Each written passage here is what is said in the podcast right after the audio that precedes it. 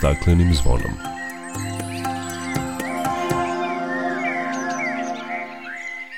Dobar dan, dobrodošli na Zeleni talas prvog programa radija Radio Televizije Vojvodine. Ja sam Dragana Ratković. Prošle godine u Evropskoj uniji povećani su kapaciteti kako vetroelektrana, tako i solarnih elektrana i one su proizvele zajedno približno petinu struje i mi nastojimo da povećamo proizvodnju struje iz obnovljivih izvora energije. Govorit ćemo o puštanju u rad biogasne elektrane u Novom Miloševu koja je 100% ekološko postrojenje, otpadu i načinu da se reši problem njegovog nagomilavanja oko brane na Potpećkom jezeru kod Priboja, o prekograničnom projektu Mađarske i Srbije koji se bavi gazdovanjem šumama i vodnim staništima plavnih područja duž Dunava, koja su usled klimatskih promena značajno pogođena porastom nivoa vode i poplavnim događajima. Biće reči i o obrazovanju za životnu sredinu i značaju ekološke pismenosti. Toliko u najavi o svemu opširnije nakon pozdravne pesme. Dok priroda kraj nas plače za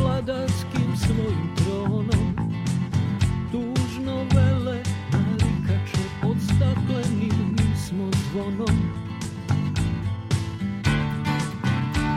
Znaj vazduha više nema sve manje je i ozona. Protiv sebe ide čovek i to često bez pardona.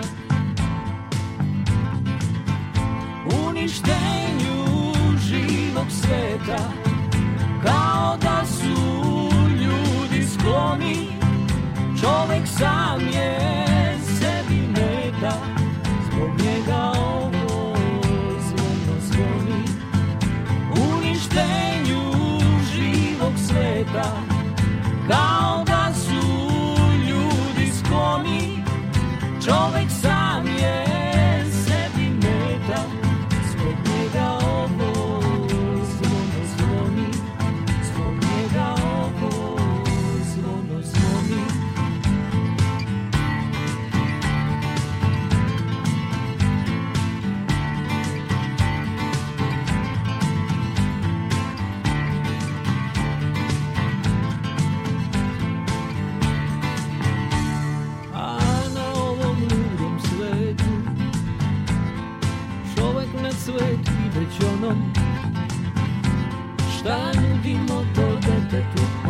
Stakleni kad smo zvonom.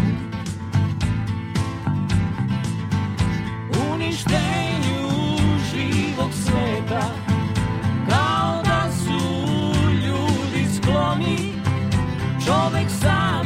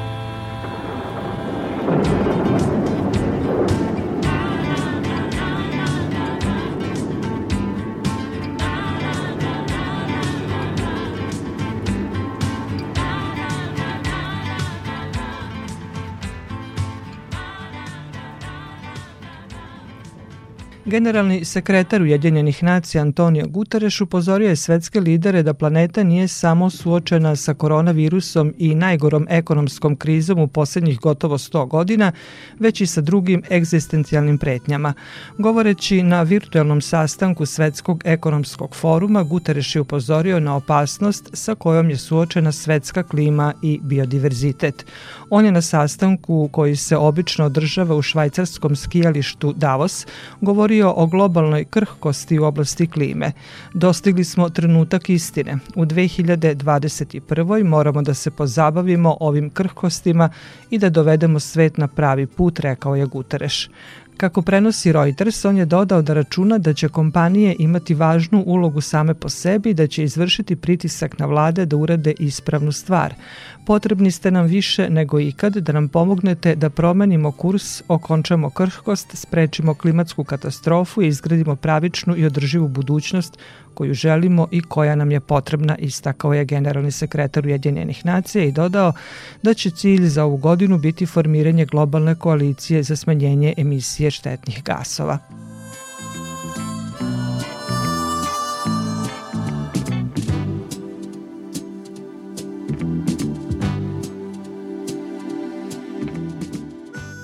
Velike emisije štetnih gasova dolaze iz oblasti energetike zbog upotrebe fosilnih goriva uglja i nafte, pa je cilj da se što više energije dobije iz obnovljivih izvora. U Evropskoj uniji u 2020. godini 38% struje dobijeno iz obnovljivih izvora, koji su tako u Uniji prvi put pretekli ugalj i gas, do tada glavne izvore proizvodnje električne energije. Učešće fosilnih goriva u energetskom miksu Evropske unije palo je na 37%, dok su izvor preostalih 25% energije bile nuklearne elektrane, pokazala je studija koju su 25. januara objavili klimatski think tankovi Ember iz Londona i Agora energetski zaokret iz Berlina.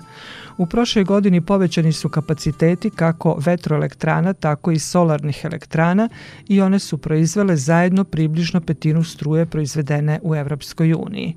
Preostala struja iz obnovljivih izvora dobijena je u hidroelektranama ili od biomase, pri čemu su kapaciteti ta dva izvora u Evropskoj uniji proteklih godina stagnirali i nisu se povećavali. Povećanje učešća obnovljivih izvora i smanjenje udela uglja znači da je proizvodnja električne energije u Evropi prošle godine bila 29% čistija nego 2015. godine. Evropa se oslanja na vetar i solarnu energiju kako bi osigurala ne samo da se do 2030 posebno izbaci ugalj, nego i proizvodnja gasa, zamene nuklearne elektrane i zadovolji rastuća potražnja za strujom zbog električnih automobila i toplotnih pumpi. Vidljive su i velike razlike među pojedinim članicama. Tako je Danska prošle godine proizvela 62% svoje struje od energije vetra i sunca ili dvostruko više od Irske koja je na drugom mestu.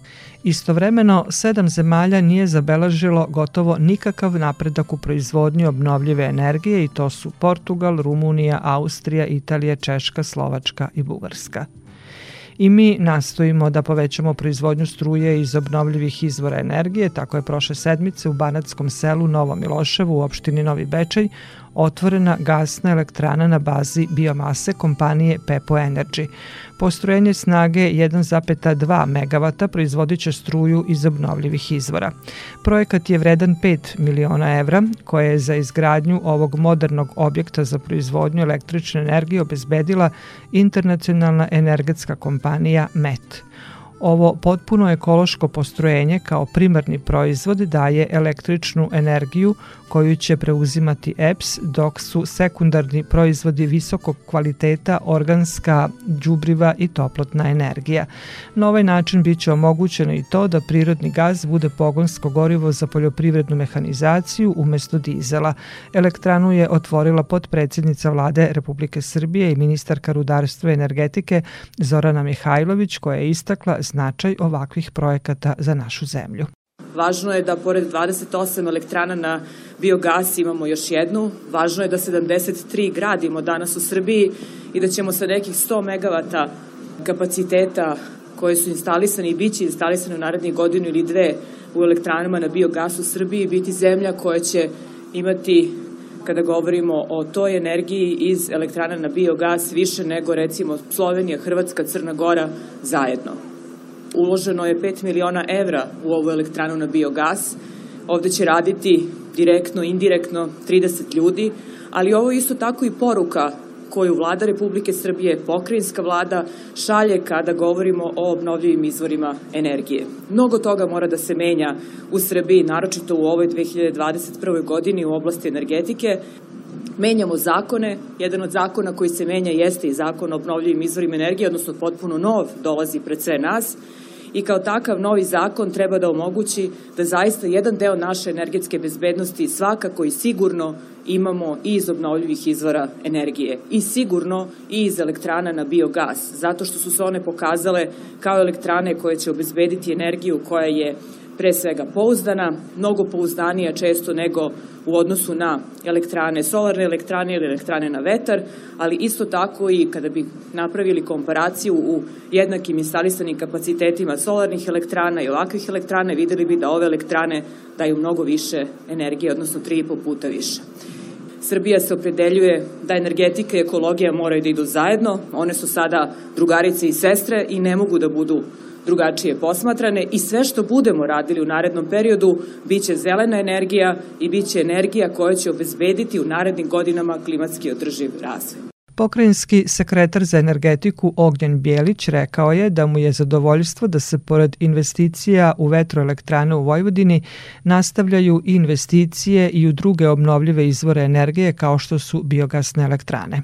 Iako 1,2 MW instalisane snage deluju skromno sprem 400 MW instalisanih kapaciteta izrađenih u prethodnih nekoliko godina na teritoriji Vojvodine, ova investicija je veoma značajna kako za lokalnu samupravu, tako za autonom pokrenu Vojvodinu, naravno za našu državu u kojoj živimo, Republiku Srbiju. Zaposlenje više od 30 radnika i porezi koje ubira jedinica lokalne samuprave svakako predstavljaju lako uočljiv značaj, dok sakupljanje i upotreba žetvenih ostataka umesto njihovog uobičajenog spaljivanja na njivama predstavlja primetno poboljšanje kvaliteta životne sredine. Svaka novotvorena elektrana pokazuje da naša zemlja i dalje prepoznata kao plodno tlo za nove investicije i uz najavljeni novi zakon o obnovljivim izvorima energije, možemo očekivati da će Vojvodina nastaviti da bude vodeći region Srbije po ukupno instalisanoj snazi novoizrađenih energijskih objekata koji energiju proizvode iz obnovljivih izvora.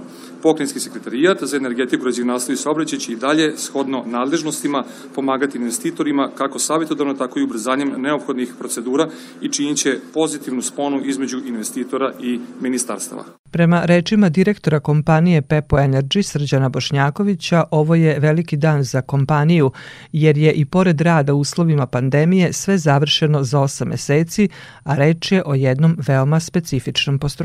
Biogasno postrojenje specifično o tome koristi meso od bundeve, kukuruzovinu i slabom dominantu. Ono je 100% ekološko postrojenje. Kao dodatnu specifičnost celog kompleksa navio bih da će postrojenje proizvoditi organsko đubrivo, implementirati prirodni gas kao pogonsko gorivo u poljoprivrednoj mehanizaciji umesto dizela. Time dajemo dodatni doprinos i energetici i ekologiji. Biogasna postrojenja, pored primarnog zadatka proizvodnje energije, imaju ulogu i u zaštiti životne sredine i to ne samo smanjenjem efekata staklene bašte, već i uklanjanjem otpada poljoprivredne proizvodnje i biološki razgradivog komunalnog otpada.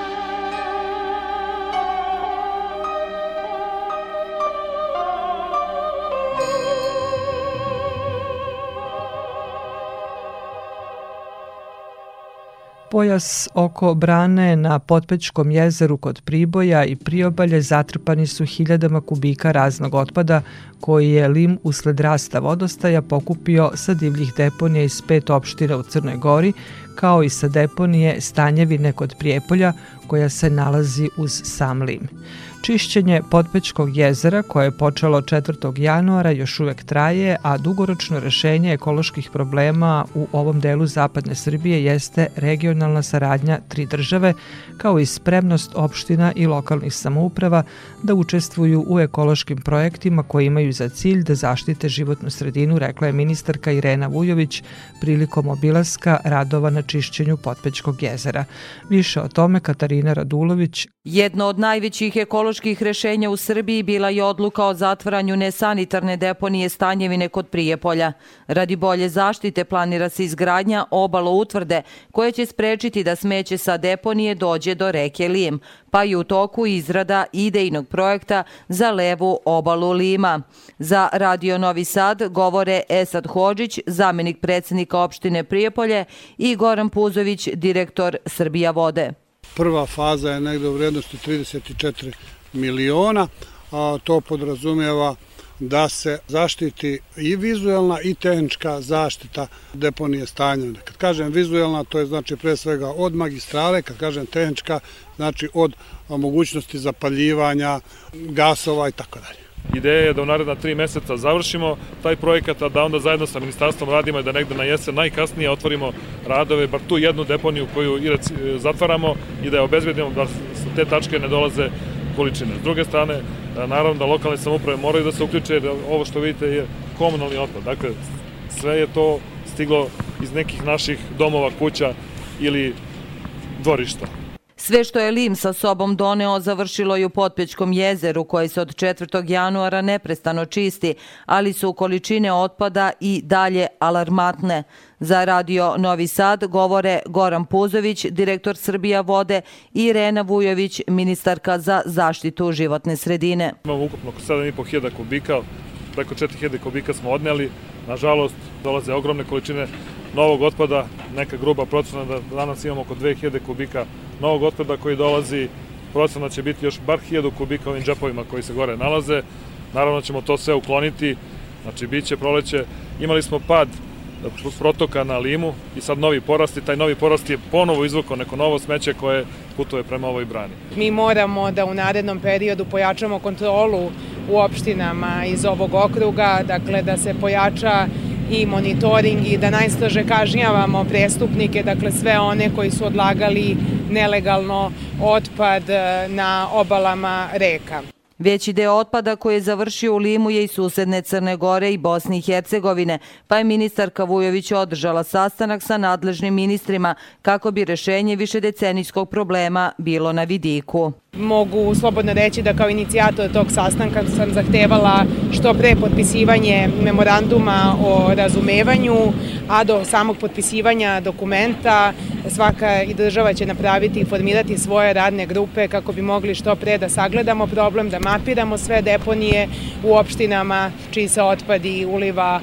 u Drinu i Lim. Opštine i lokalne samouprave moraju imati spremne projekte kako bi se ekološki problemi rešavali, rekla je ministarka Vujović.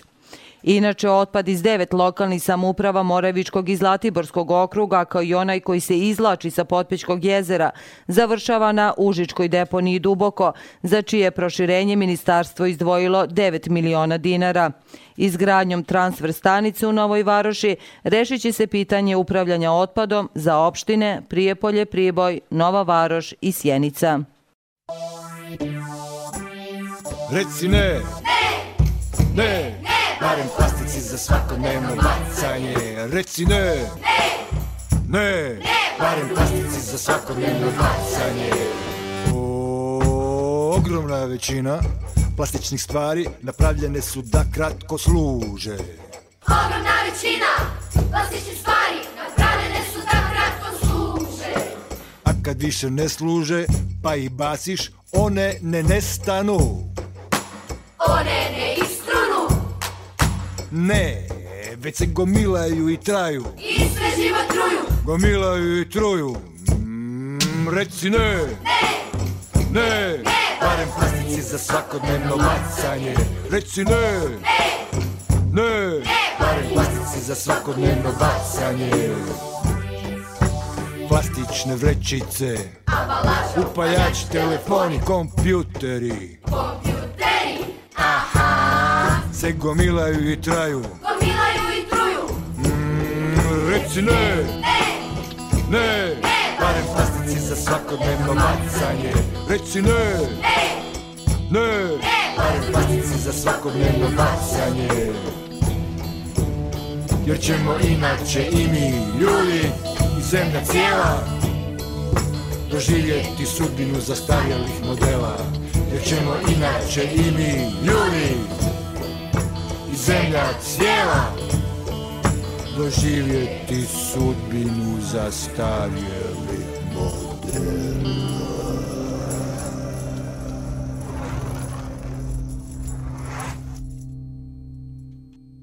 Slušate emisiju pod staklenim zvonom. Rizik od poplave u regionu je jedan od najvećih u Evropi. Zbog klimatskih promena, učestalosti i obima poplava očekuje se njihov porast u budućnosti. Gazdovanje šumama i vodnim staništima poplavnih područja duž Dunava značajno su pogođena porastom nivoa vode i poplavnim događajima. Da bi se pravovremeno reagovalo, Mađarska i Srbija kroz zajednički projekat traže rešenje. Realizacija projekta započela je online konferencijom mađarskih i srpskih partnera. Tim povodom razgovaram sa predstavnikom jednog od partnera, pomoćnikom direktora za razvoj u Institutu za nizijsko šumarstvo i životnu sredinu Dejanom Stojanovićem. Gospodine Stojanoviću, činjenica je da je ovo naše područje izloženo klimatskim promenama i raznim ekstremnim događajima kao što su poplave. Imali smo velike poplave 2014. i tada je rečeno da će ovakvih događaja u budućnosti biti sve više i u to smo se i uverili. Sve to naravno utiče i na prirodu. Kako se pripremiti da ublažimo posledice takvih događaja?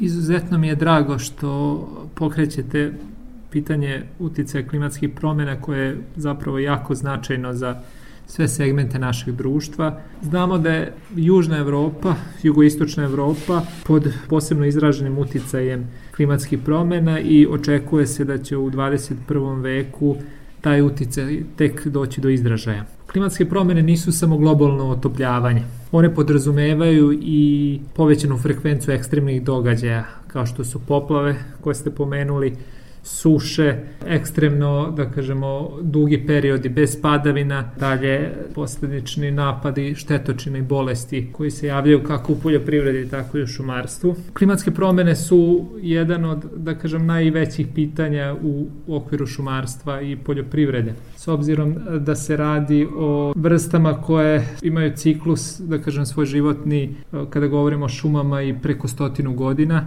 nije moguće izvršiti neke brze mere adaptacije ili ublažavanje na klimatske promene. Upravo e, zbog toga Institut za nižinsko šumarstvo i životnu sredinu zajedno sa svojim partnerima započinje projekat koji će pomoći da se gazdovanje šumama u zaštićenim područjima što bolje prilagodi novonastalim klimatskim e, uslovima. Mi u Vojvodini se u najvećoj meri oslanjamo na šume koje se nalaze u basenima velikih reka, Dunava i Save na, na prvom mestu. Trenutno izvodimo zajedno sa partnerima Vojvodina šumama i Adu Vizigom iz Mađarske jedan IPA projekat koji se bavi unapređenjem gazdovanja šumama u svetlu potencijalnih poplava koje se mogu očekivati u budućnosti na ovim prostorima.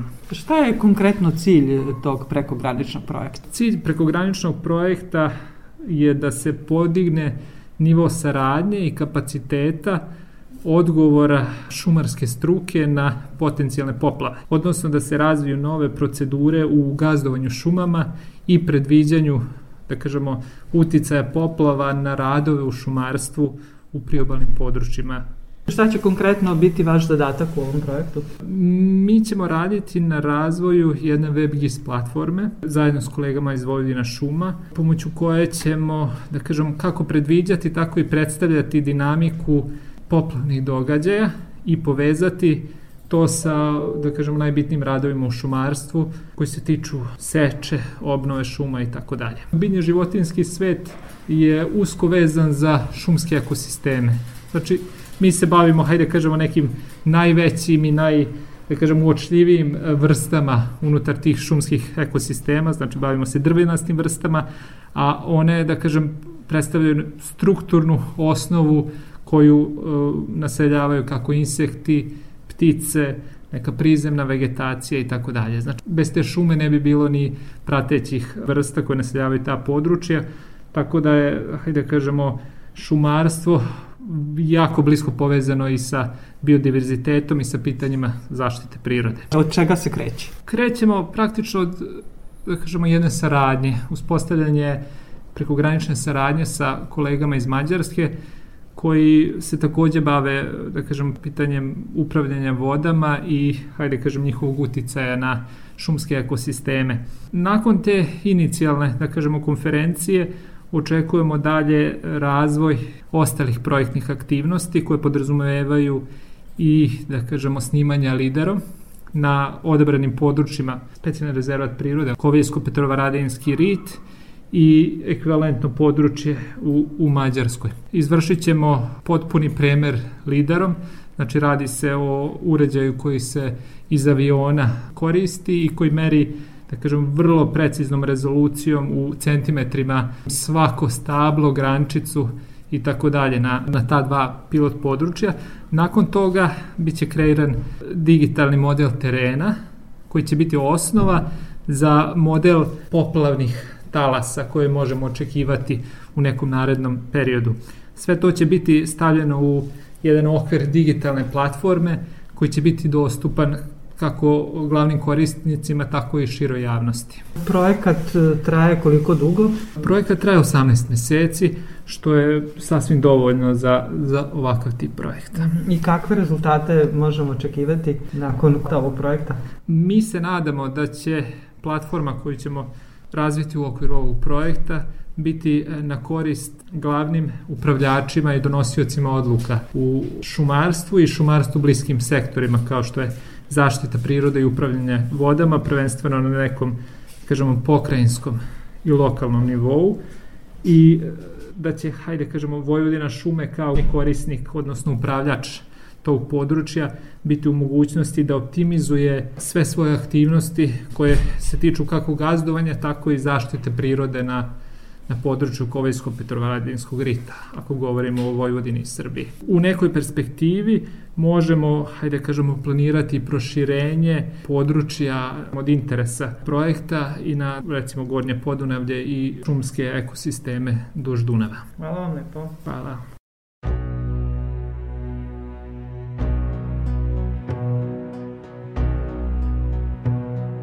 City lights shine on the harbor, night has fallen down.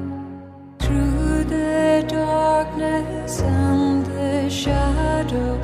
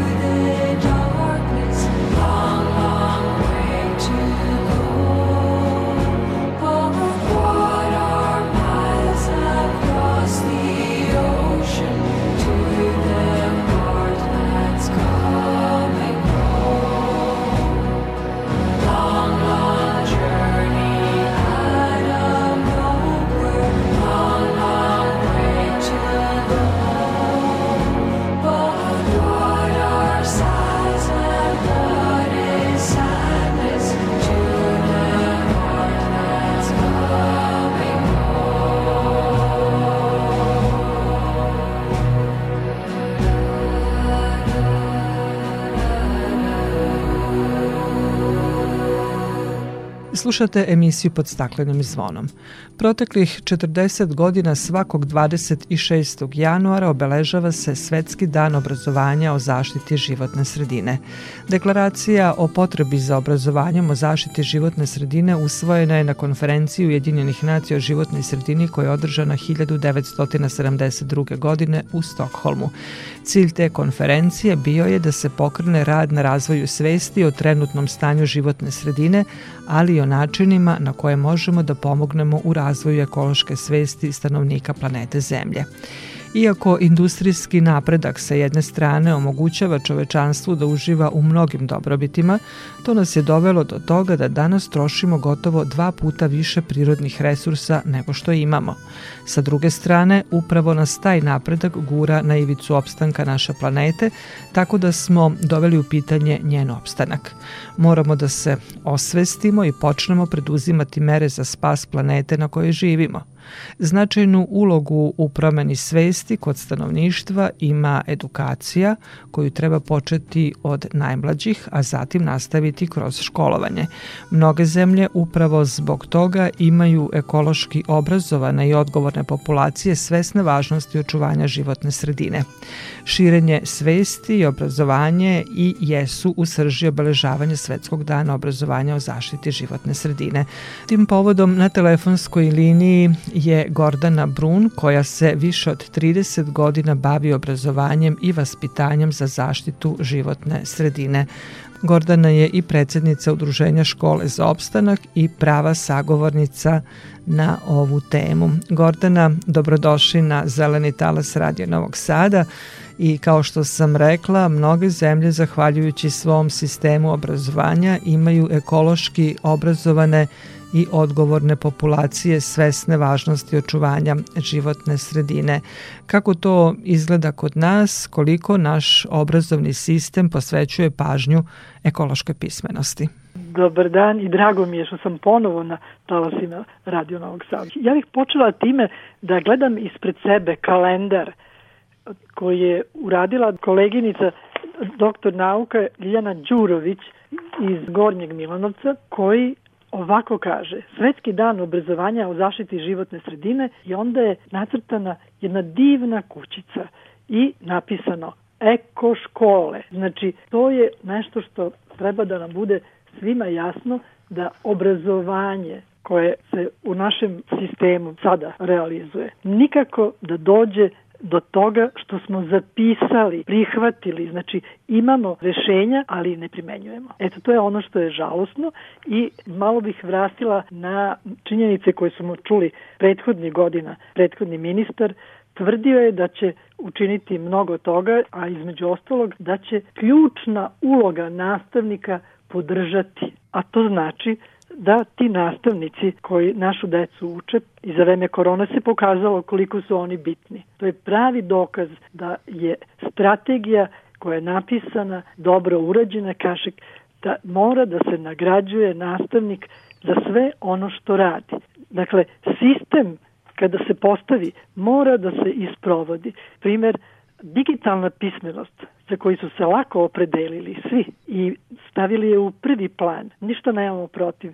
Naravno, živimo u vremenu visokih tehnologija i potrebno je da se ovaj, to i primenjuje i da bude od koristi svima. Ali je velika jedna razlika što niko ili mali je broj onih koji ne stavljaju u prvi plan ekološku pismenost.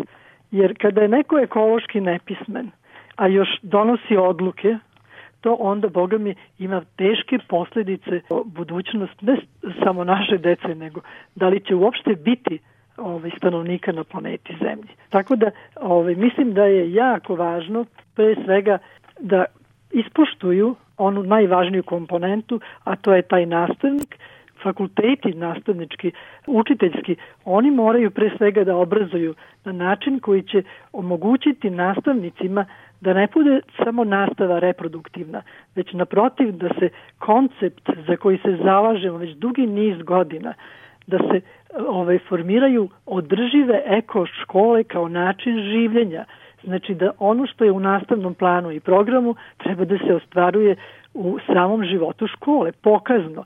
Uvedena je za početak projektna nastava, a to je ono što je suština finsko obrazovanje je pokazalo da nastavnici koji su dobro plaćeni, tamo je veoma na visokom nivou nastavnik, oni i učestvuju i sami u tom procesu učenja. A to učenje treba da bude ne samo u nastavi, nego van nastavnim aktivnostima. Eto, tu je ključ.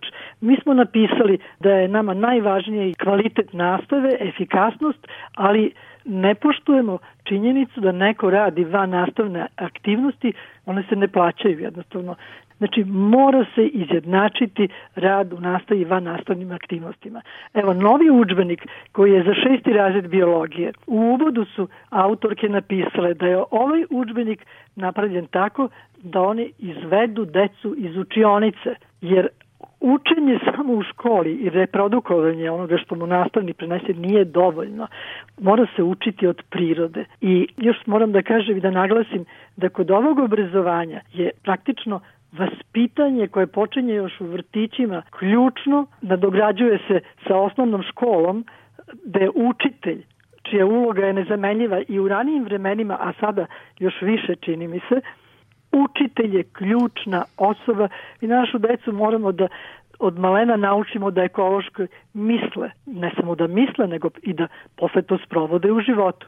I zato se zalažemo da ekološka pismenost dobije, da kažem, na značaju ova dva ministarstva, da se sprovede jedna kampanja baš kako je bila za digitalnu pismenost, da ljudi shvate koliko je važno biti ekološki pismen da bez ekološkog obrazovanja nema ni zaštite životne sredine i kao što rekao ste, za sve ovo treba dobro edukovan učitelj. Vi kroz vaše udruženje Škola za opstanak, kroz razne programe to i negujete, dakle radite edukaciju u prirodi i edukaciju učitelja i, i nastavnika, ono što je zaista bitno.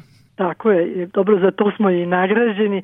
Ono za što se zaista maksimalno zalažemo, a to je da okupimo da inicijativa, ovi svi koji nam daju projektne zadatke, tako da kažem, na konkursima, da budemo usaglašeni, jer mnogo je stvari urađeno, ali što bi se reklo narodski svaka vaška obaška a mnogo je kvalitetnije i važnije i dugotrajnije nešto što je sistematično i što stvari može da posluži generacijama. Kada napravite dobar učbenik i dobre prateće materijale koji, uz to idu, apsolutno će biti bolje.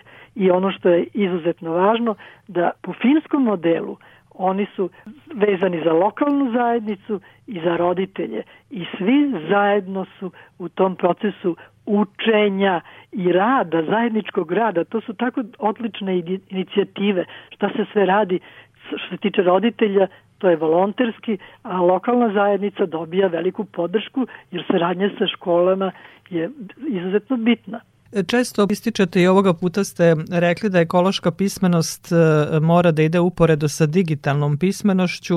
Eto, za godinu dana škole su nekako uspele da se organizuju i pređu na e, digitalnu nastavu, dakle na online nastavu. Da li ovako brzo ekološko opismenjavanje može da se uradi? Napravljen je jedan predlog Gordana Vlajić iz Pančeva koja je tamo vodila e, časopis edukacije dece, ona je dala jedan predlog i mi smo sa tim otišli u Ministarstvo životne sredine, međutim nismo završili taj posao. Ja se sad nadam da sa novom ministarkom razgovaramo, da pokušamo da nađemo zajednički jezik, da to krene po modelu pet lokalnih zajednica. Znate šta, Dragana, lokalne sredine su različito ponašaju, iako su ista pravila kad su u pitanje e, obrazovanja. Zaduženi su za usavršavanje nastavnika, finansijski, to je predviđeno da se e, finansira od strane lokalnih samouprava.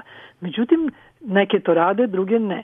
Pokušat ćemo da dva ministarstva ili tri povežemo da to bude što šira jedna akcija, aktivnost.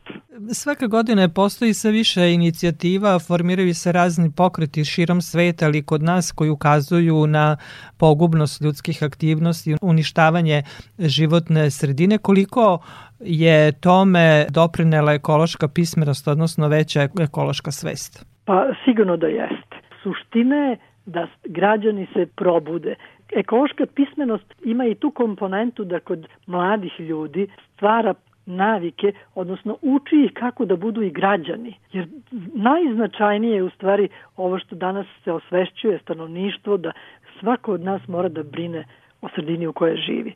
Ne možemo samo da čekamo da neko reši, nego naprotiv, donosioci, zato sam i rekla, donosioci odluka su izuzetno bitna kategorija za usavršavanje i da nauče šta treba da rade, a s druge strane sprovođenje dokle god ne bude sprovođenje zakona kako je zaista predviđeno, mi moramo da idemo i na ovaj drugi način koji se zove ekološki aktivizam i lično sam za sve ove aktivnosti, a pre svega za odbranu reka i vode, jer to je nešto što je toliko pogubno, jer kada smo osnovali Ministarstvo zaštite životne sredine 90. godina, tada smo pokušali u prvi zakon 91. da unesemo član koji bi u stvari bio rešenje problema vode, odnosa prema vodi. Jer Nemačka dok nije u zakon unela da fabrika uzima vodu tamo gde ispušta iz procesa proizvodnje, nije mogla da reši zagađenost. Tako je Rajna u stvari postala čista reka. Znači, e, to je ono što je nama ostalo kao jedna velika ovako boljka, šta bi bilo danas da smo tako i mi tada uspeli. Ekološko osvešćivanje i ovo što se sad dešava, sve te inicijative su vrlo korisne i u svakom slučaju ja mislim da samo ako budemo svi zajedno, a to znači i oni koji donose odluke i građani na, tom putu ka zdravoj životnoj sredini. Jer zagađena životna sredina mnogo košta.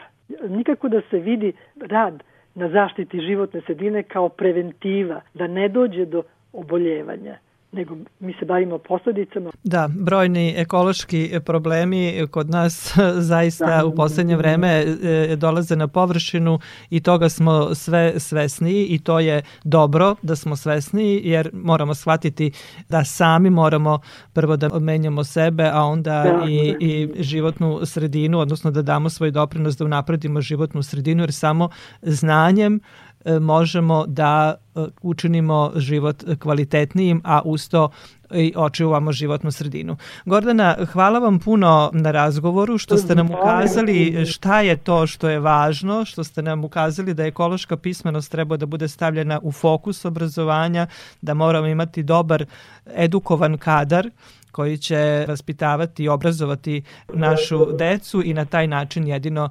možemo da postanemo pravi stanovnici i svoje sredine, ali i ove planete. I da shvatimo da je u životu manje više, jer potrošački mentalitet i to, da kažemo, stvarno ovo što rade zemlje koje su bogate, to je više nego strašno. Eto, to su posledice vrlo vidne klimatske promene, njima najviše doprinose baš bogati. Hvala vam lepo, Gordana, što ste i ovoga, i ovoga puta e, bili gost emisije pod staklenim zvonom.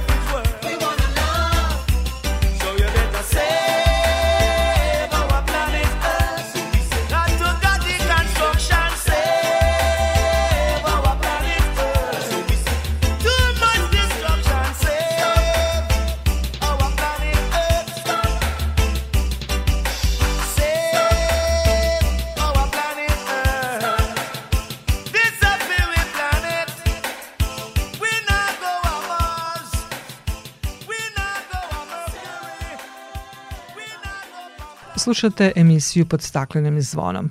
Pružanje pomoći napuštenim životinjama ne oduzima puno vremena, a za uzvrat donosi osjećaj ispunjenosti jer ste nekome omogućili bolje uslove života, možda i produžili život.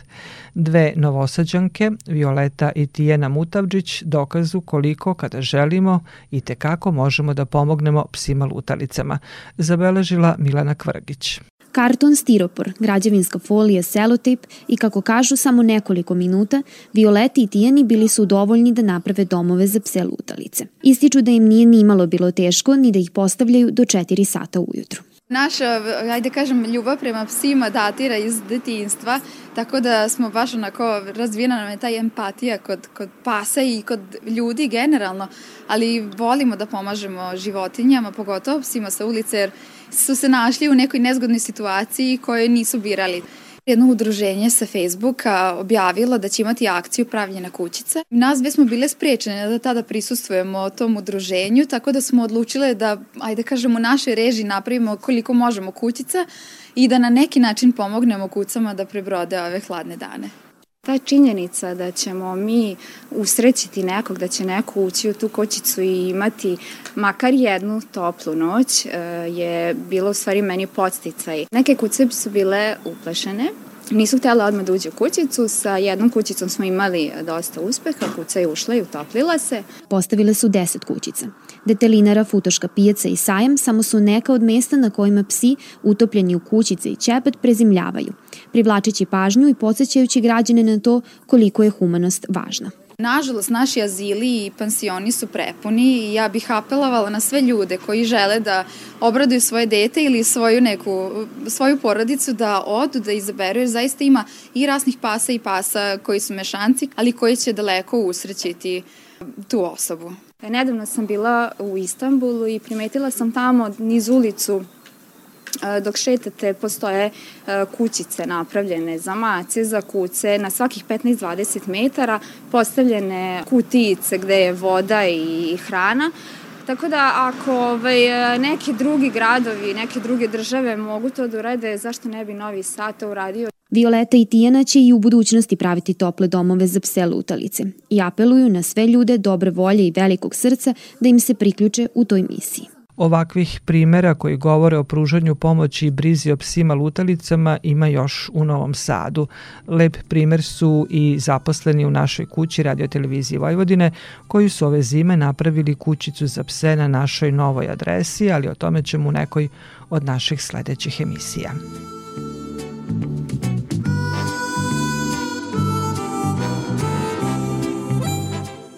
I za kraj još jedna lepa informacija. Predstava Ples ugroženih ptica na jedan specifičan način bavi se problematikom ugroženih ptica kroz savremeni plesni izraz. Igrači upoznaju publiku sa pet ugroženih vrsta ptica i različitim uzrocima njihovog nestajanja pod uticajem ljudske aktivnosti.